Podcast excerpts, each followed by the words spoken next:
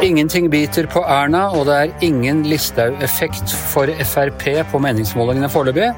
Og nytt dataangrep mot Stortinget. Dette er Gjevrøy-gjengen, og det er torsdag den 11. mars.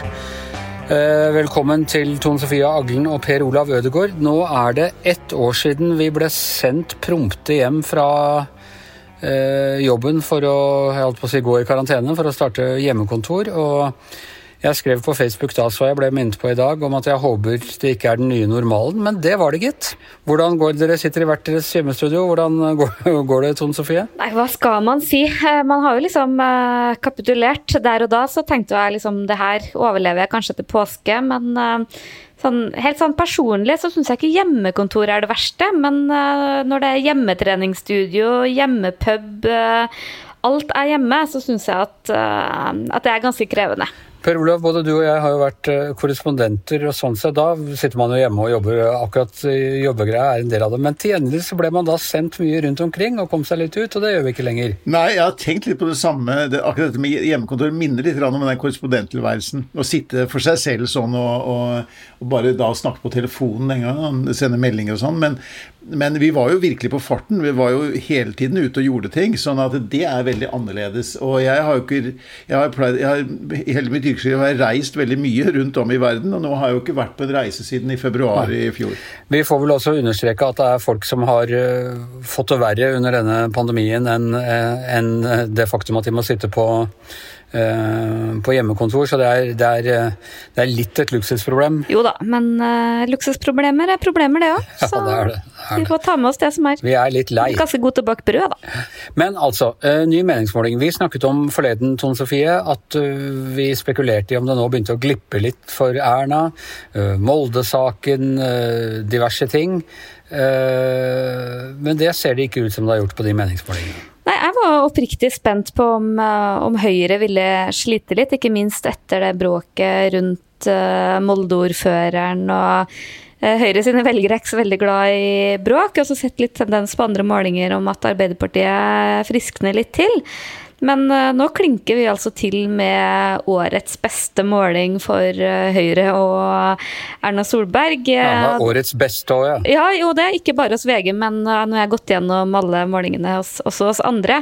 Så det kan jo nesten virke som at oppslutninga om Høyre stiger i takt med smittetallene. Du, ja, når du sier årets beste, altså på januar, februar, mars, eller siden vi siden pandemien startet? Nei, nå gikk jeg igjen. Nå har ikke jeg gått så langt tilbake, men eh, jeg gikk gjennom meningsmålingene som har vært eh, i år, og det har jo vært eh, veldig sterke målinger for Høyre. Litt, vært litt sånn fallende på noen av de siste, men det her er den klart sterkeste målinga, mm, uavhengig av byrå. Og så vet vi altså at Frp ikke fikk noe særlig effekt i fjor av å gå ut av regjeringen.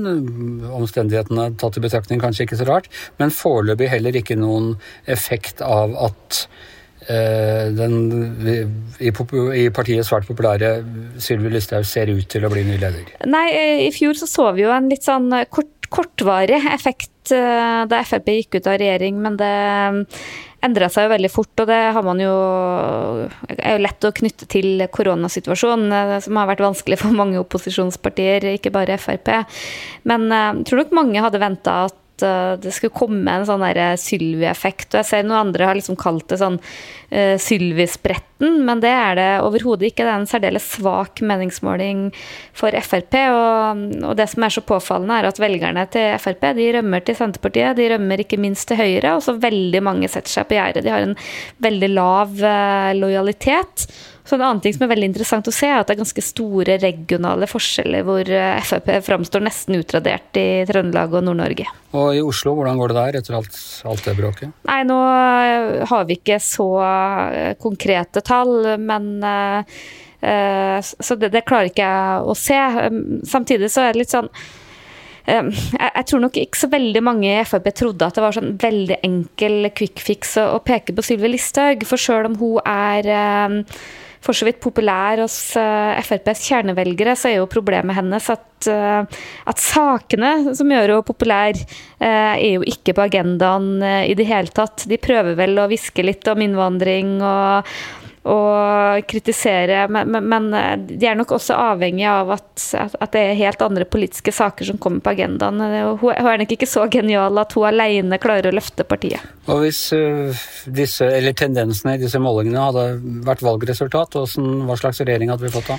Nei, Da hadde hun helt åpenbart fått en, uh, en slags rød-grønn regjering. For sjøl om Høyre og Erna Solberg gjør det veldig sterkt, så er det på bekostning av de vennene hun har som kan vinne valget for henne. Vi ser at både Venstre og KrF er godt plassert under sperregrensa. Jeg er alltid litt sånn forsiktig med de småpartiene, for det er, så, det er, så, få velgere det er snakk om. Men det ser ut som at, at Høyre spiser de.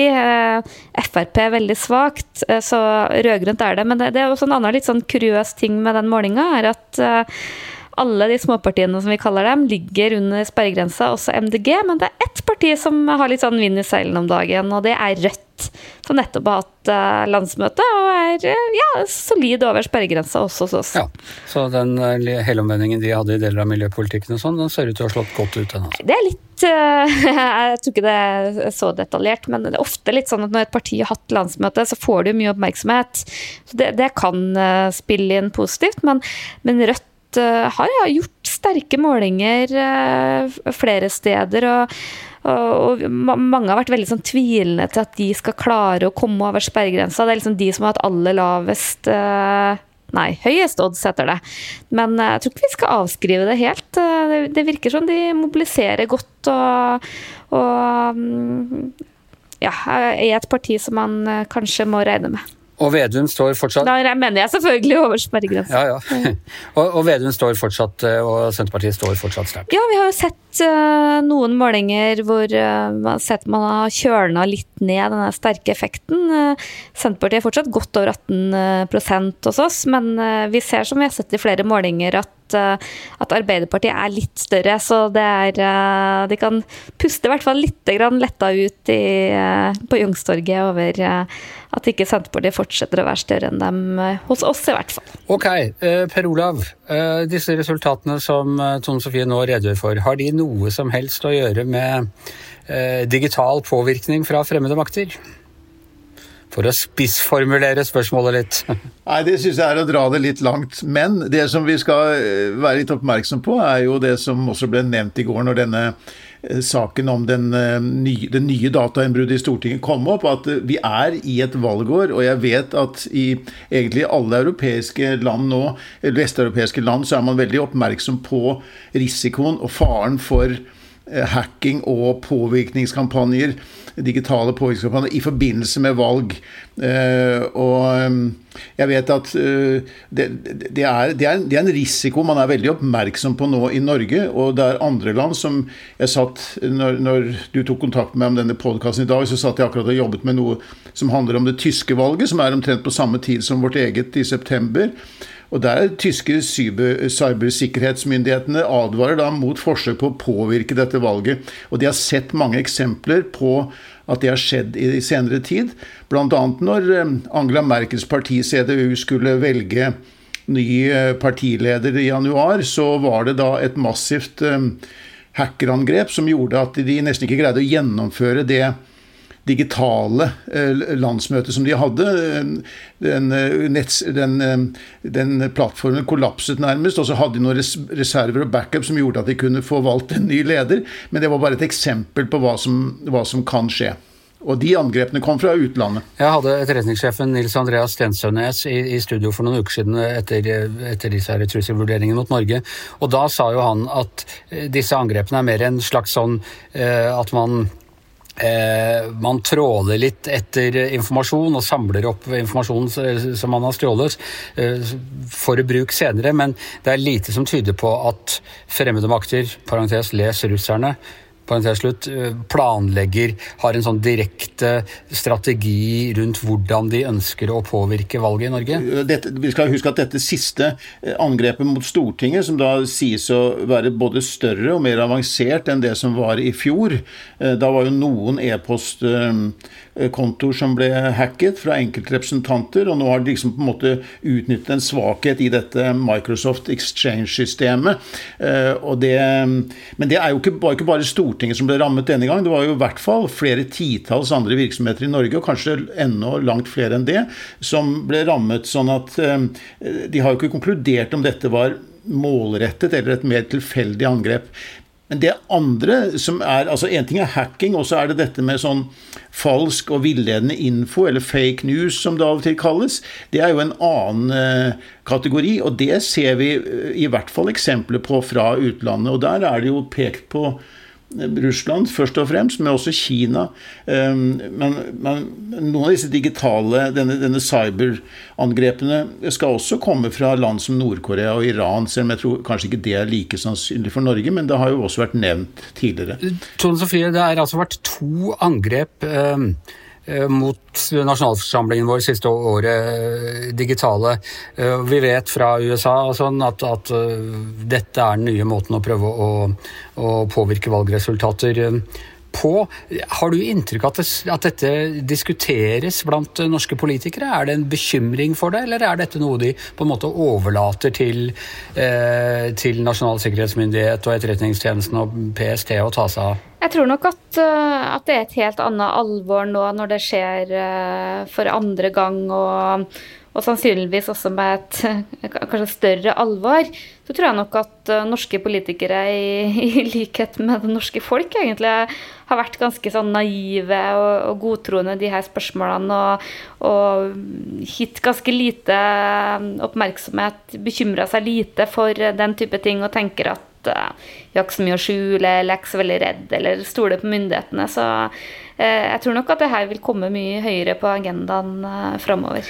Vi ser jo, Per Olav, det er jo, som du sa, det var et hull i sikkerhetssystemet til, til Microsoft. De ble oppmerksom på det relativt nylig. Uh, gikk ut og, og advarte, og så, så, kom dette angrepet etter det. Vi er jo mange som har maskinene våre fulle av Microsoft software. Er vi, er vi alle i fare nå for uh, for denne, her, hva skal si, denne digitale bendelormen som, som uh, denne type angrep uh, representerer? Ja, du startet jo med å snakke om dette pandemiåret. og Er det noe som vi i hvert fall er sikkert uh, som har skjedd, er jo at vi har blitt enda mer avhengig av den digitale teknologien. Vi bruker den til møter, vi bruker den til alle former for kommunikasjon. Og at, at vi, at vi vi har ikke vært Vi er nok ikke godt nok forberedt verken som individer eller Og jeg tror også mange organisasjoner, eh, også i næringslivet. Eh, konklusjonen er nok at vi har nok ikke hatt et godt nok vern mot det. Så det er noe som på en måte angår den enkelte. Og så må hver enkelt bedrift og selvfølgelig statlige og politiske organisasjoner um, være veldig oppmerksom på dette her og, og, og, ta, og gjøre alt de kan for å beskytte seg bedre. Jeg tror jo også det at det kan bli interessant å se um, hvordan valgkampen blir i år. Det kan godt tenkes at valgkampen i større grad Eller den blir kanskje enda mer digital enn den har vært tidligere. Eh, det er i hvert fall noe som jeg ser de er opptatt av i Tyskland, siden jeg var innom dette. så mye av den politiske virksomheten foregår på digitale flater. også mye av det, Og, det er sånne steder som kan bli hacket, og hvor man kan komme, få eh, eller sånne hybride angrep som de snakker om, som er en kombinasjon av hacking og falske nyheter. Eh, og jeg tror man skal være veldig oppmerksom på den, eh, den, risikoen som ligger der, i hvert fall. Ja, og det er altså bare eh, et halvt år, år til valget, og det kommer til å være en rekke utfordringer knyttet til det. Både hvordan man gjennomfører valgkampen, og hvordan informasjonen spres.